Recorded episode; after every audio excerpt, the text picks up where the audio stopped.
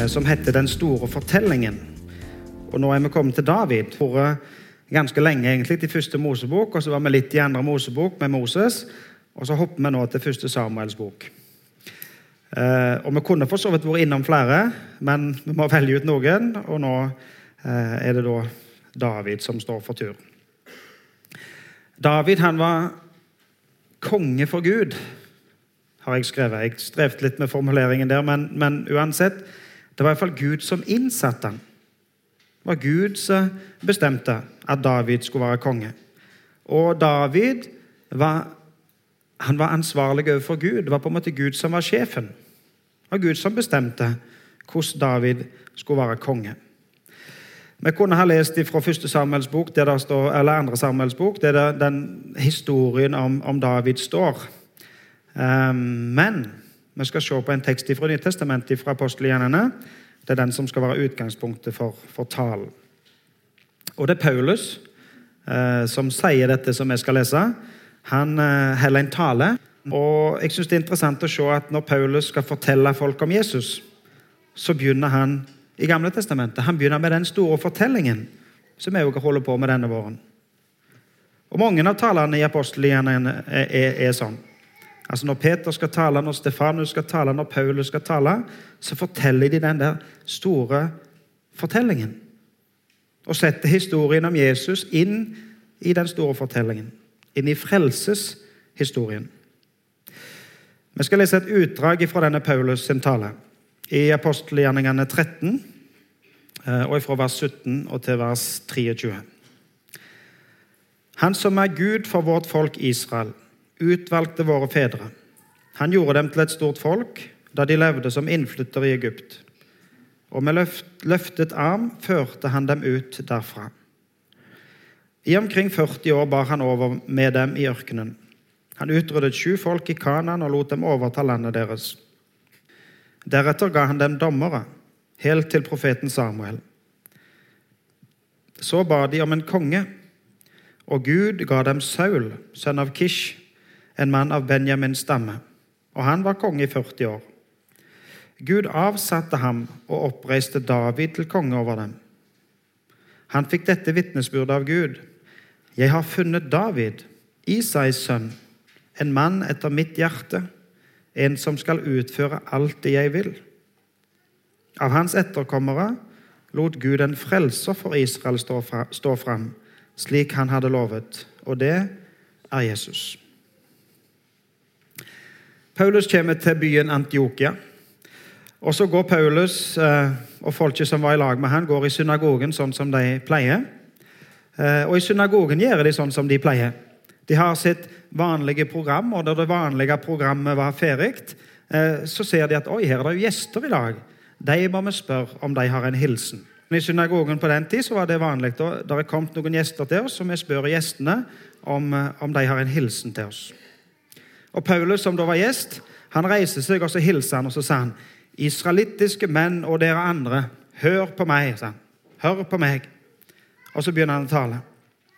Han som er Gud for vårt folk Israel. Han utvalgte våre fedre. Hvem er fedrene? Jo, Fedrene for israelsfolket er Abraham, Isak og Jakob.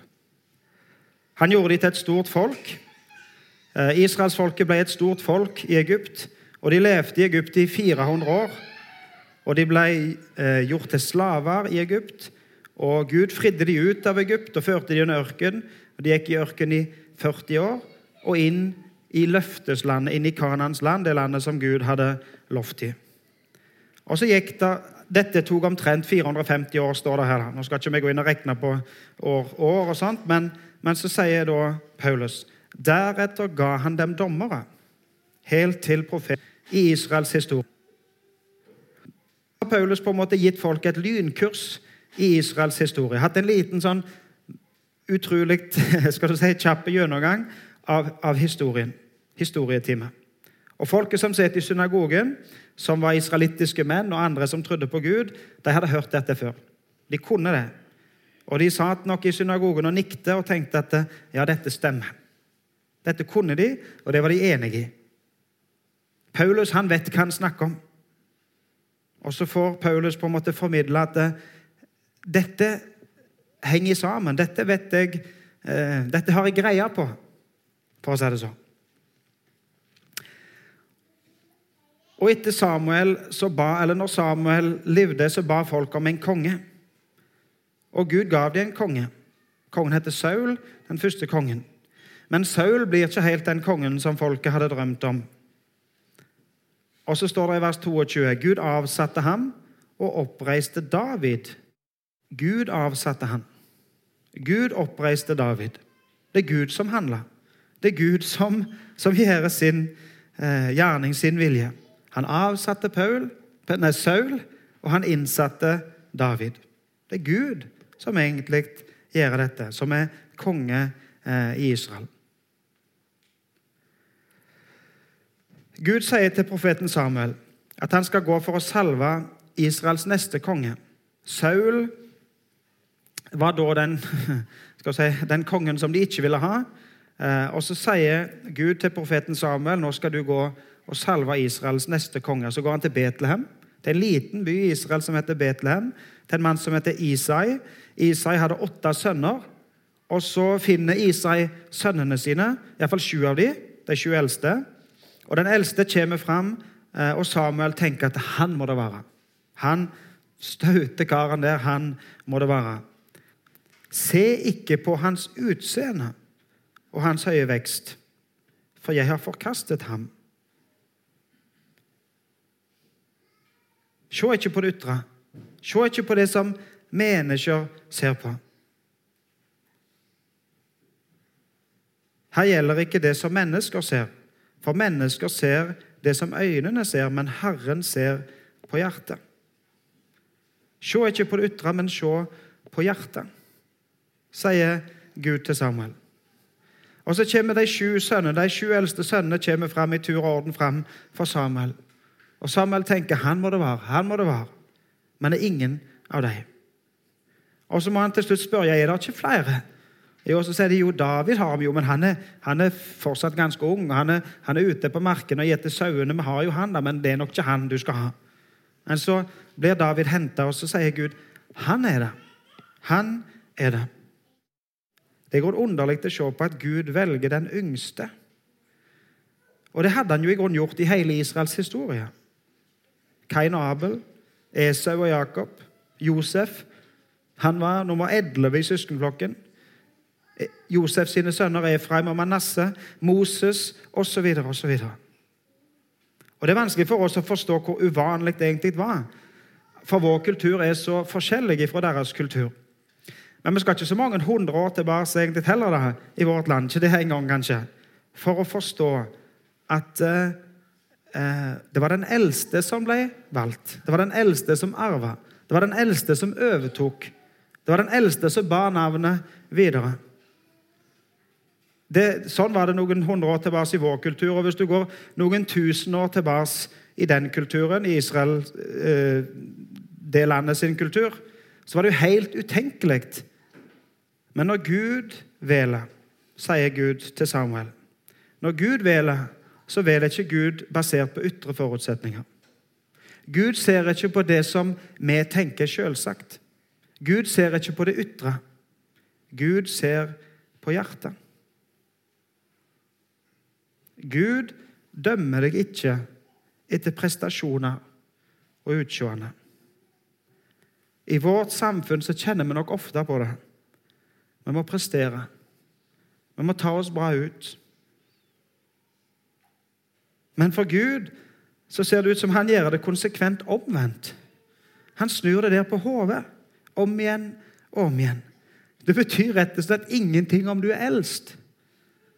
Det betyr ingenting hva du presterer, eller hvordan du ser ut.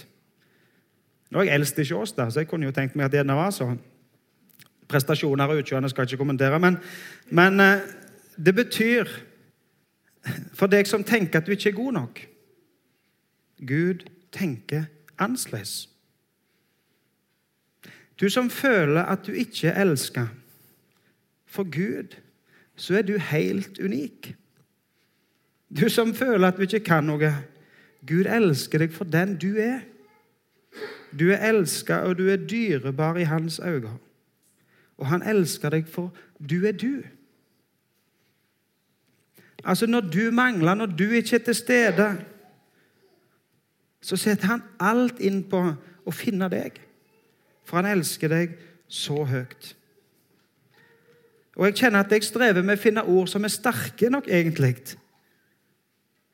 For Gud roper det så høyt, så tydelig gjennom hele Israels historie, gjennom hele Bibelen, så roper han så høyt han kan at det, du er elska av Gud.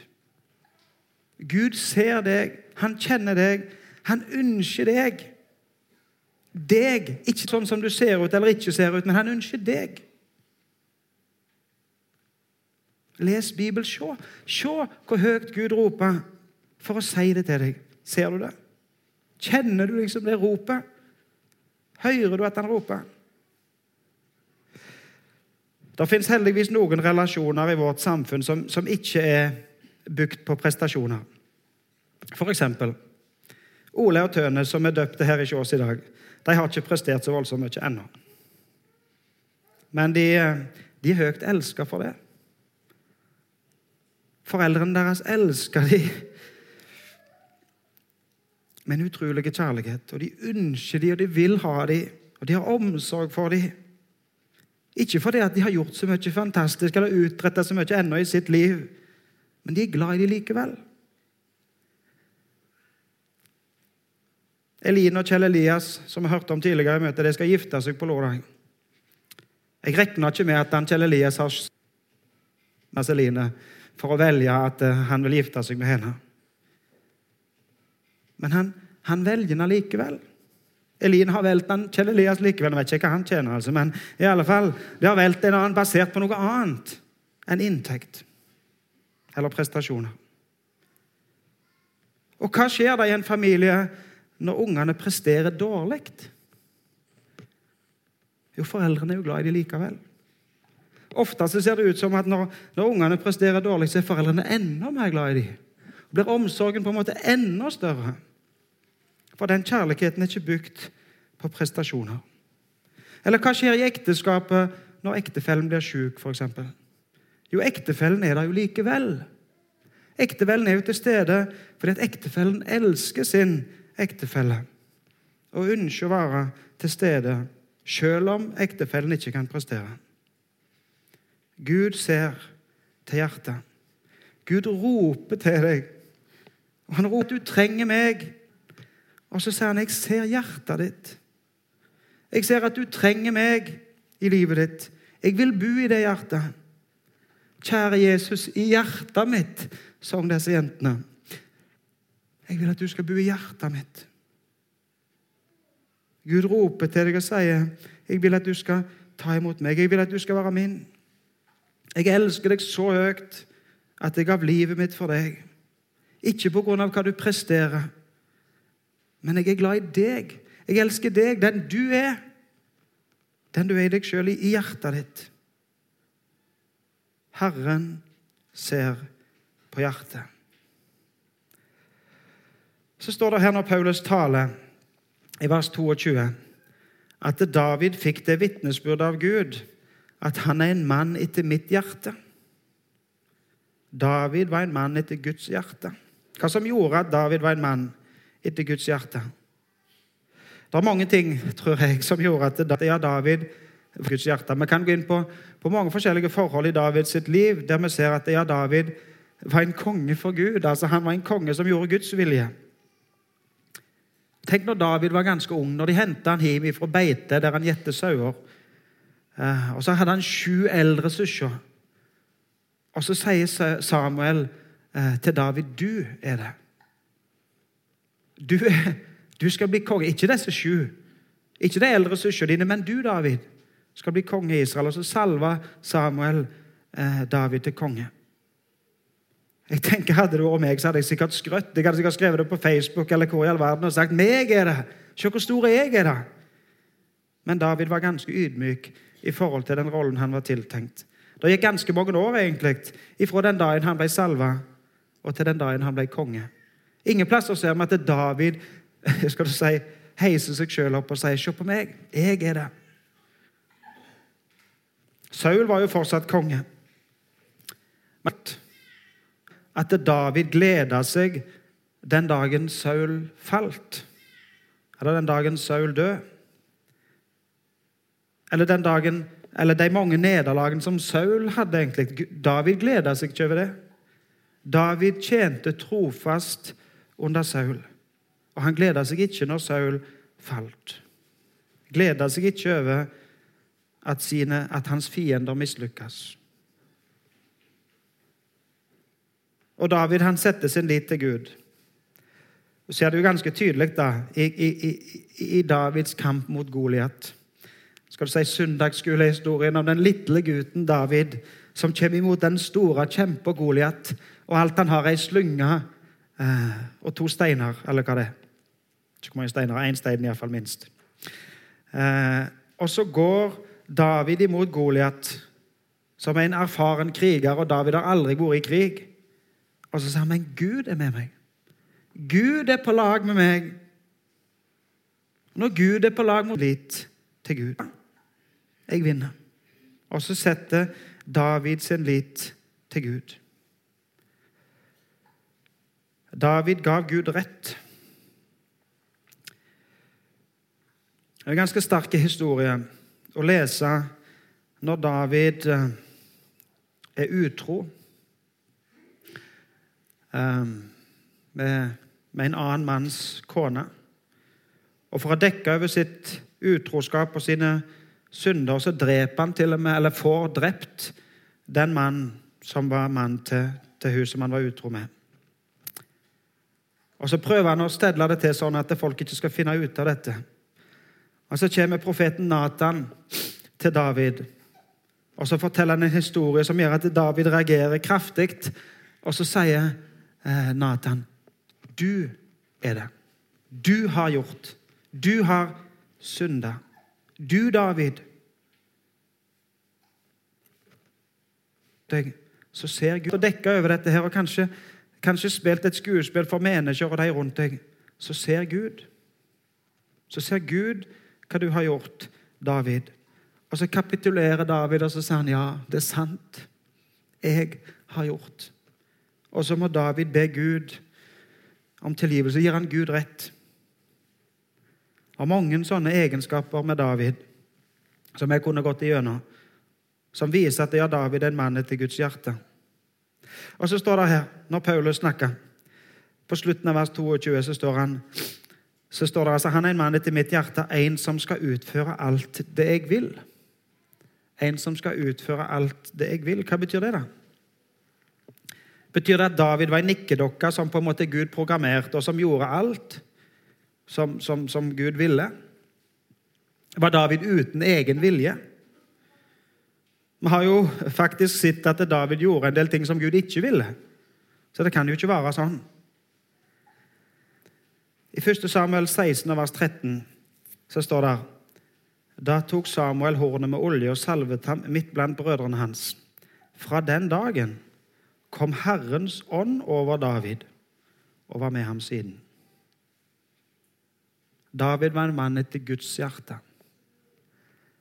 Der ligger hemmeligheten.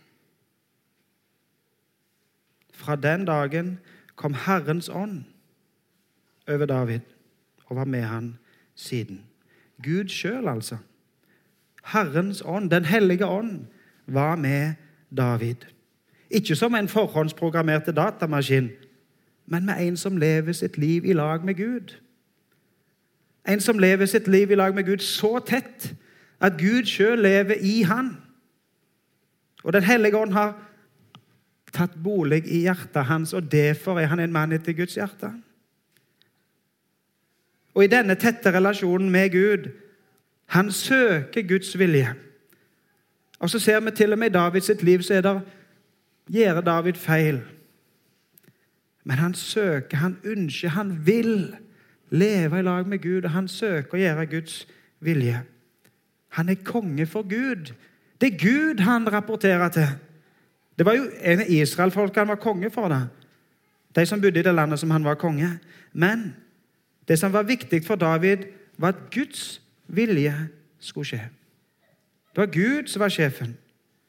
David visste og ville at folket egentlig skulle ha en annen konge. At folket skulle ha Gud til konge. For Gud er konge for sitt folk. Og så var David konge for Gud. Og så var han skal du si, en mann som gjorde Guds vilje.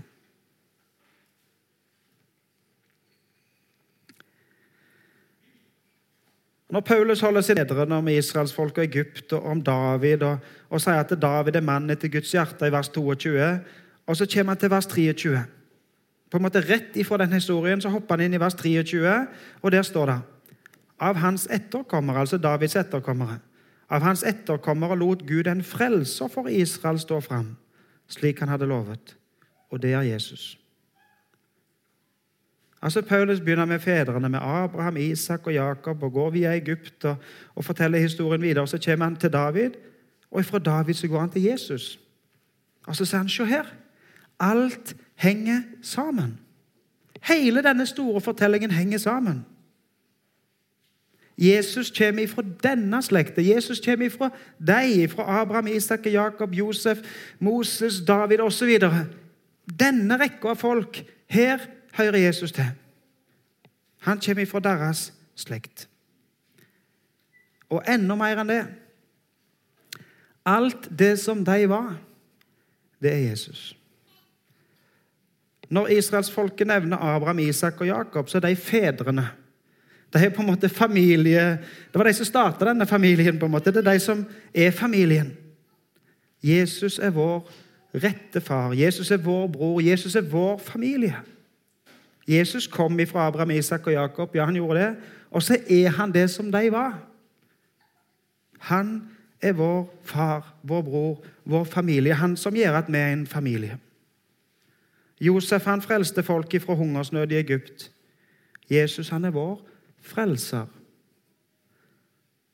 Folket mangler mat. Jesus frelser oss ifra det som vi mangler mest. Gir oss det som vi trenger mest gir oss frelse og evig liv. Moses er den store lederen som leder folket ut av slaveriet i Egypt og gjennom ørkenen til løfteslandet. Jesus er vår leder, vår Herre. Han som leder oss i vårt liv og fører oss gjennom ørkenen. Men vi er på vei mot løfteslandet, mot det landet som Gud har lovt oss. Så oppreiste Gud dommere som Eh, som avgjorde retten i Israel. Jesus er den rettferdige dommer. Så kom det profeter. Samuel var profet. Jesus er den store profeten. Og all profeti handler om Jesus. All profeti oppfylles i Jesus. David var konge. Jesus er konge. Ser du hele historien, hele fortellingen, den store fortellingen, henger sammen. Og Når Paulus skal fortelle om Jesus, så begynner han nettopp med fedrene å fortelle denne historien. Og så sier han her kommer Jesus. Så står Jesus fram. Han som er vår far, han som er vår frelser, han som er vår herre, han som er vår dommer, han som er profeten, han som er konge, han som er alt dette. Vet Du du kan faktisk egentlig ikke bestemme hvem Jesus skal være. Det er ikke du som avgjør hvem Jesus er. Jesus er ingen datamaskin som du kan programmere. Jesus blir ikke forandra selv om du vil forandre ham. Jesus lar seg ikke forandre. Altså, Jesus er din far, din bror. Alle som har tatt imot Jesus, har Gud til far og Jesus til bror. Og alle vi som har tatt imot Jesus, er i familien. Altså, Her sitter familien din. Om du vil det eller ikke så er Guds familie de som har tatt imot Jesus. Og Derfor kan du snu deg rundt og si og se her er din bror og din søster, din familie. Det er ingen her som du kan si 'jeg vil ikke han til bror eller hun til søster'. Du kan ikke bestemme. For Jesus har bestemt at dette er familien din.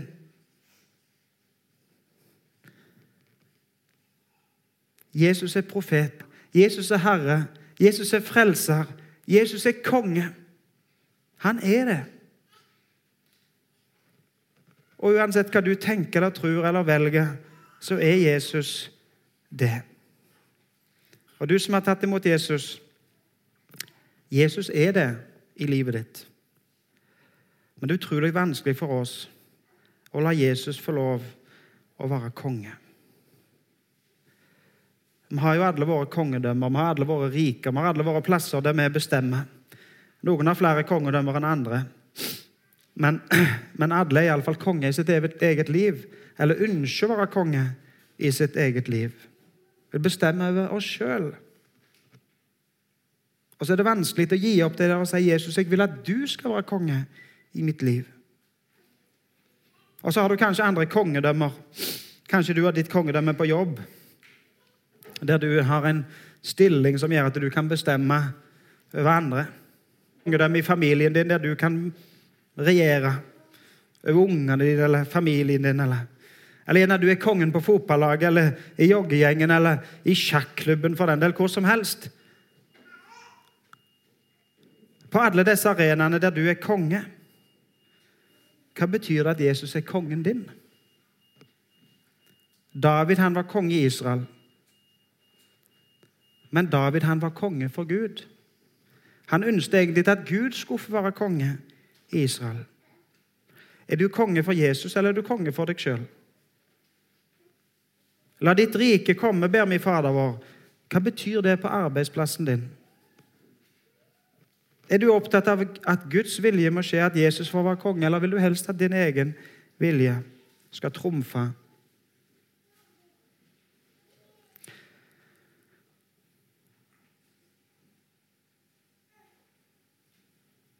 Du som har tatt imot Jesus, du har like tett relasjon til Jesus som kong David hadde. Og kan jo du si at nei, men jeg er jo ikke kong David, jeg er jo ikke han der står om i Bibelen, jeg er jo ikke Jesus. Nei, men du som har tatt imot Jesus, du har faktisk fått Den hellige ånd i ditt hjerte. Du har like tett relasjon til Jesus som kong David hadde. Du har Den hellige ånd. Den hellige ånd bor i ditt hjerte. Jesus sjøl bor i hjertet ditt. Og han er den samme i dag som han var for kong David. Får han lov å bestemme? Får Jesus lov å være konge? Jesus gjør ikke deg til en nikkedokke. Av og til så lurer jeg på hva for det. Han kunne jo gjort meg til en nikkedokke. Han kunne jo programmert meg, og så hadde alt gått så mye lettere og knirkefritt. Nei, Gud gjør det ikke på den måten. Jesus gjør det ikke på den måten. Men i kjærlighet til deg så jobber han med hjertet ditt. Jesus har all makt i himmel og på jord. I sin kjærlighet til deg så virker han i livet ditt. Og så ønsker han å forme deg og prege deg, styrke deg Løfte deg opp. Og Jesus virker ikke bare når du er på topp. Jesus virker ikke bare når, du, når det ser ut som du er vellykka, når du får det til. Vet du hva? Jesus virker kanskje enda mer når du er på bånn, og når du trenger han enda mer. Jesus kjenner deg inn og ut. Og Jesus ser hjertet ditt, og han ser deg, og han kjenner deg. Han er en god konge. Han er en god herre. Han er en god frelser. Israelsfolket ønsket en konge. Og så innsatte Gud en konge. Og så var det ikke sånn de hadde tenkt det skulle bli når Saul var konge. For Saul var ikke en god konge. Men så kom David. David var en mann etter Guds hjerte. Og så opplevde folk å få en god konge. Vet du, Jesus er en god konge. Jesus er den perfekte konge. Jesus han ønsker alt det beste for deg. Og Jesus han vil være konge i livet ditt. Ikke for å drive maktmisbruk, men for å få lov å leve livet sitt i lag med deg. Skal vi be.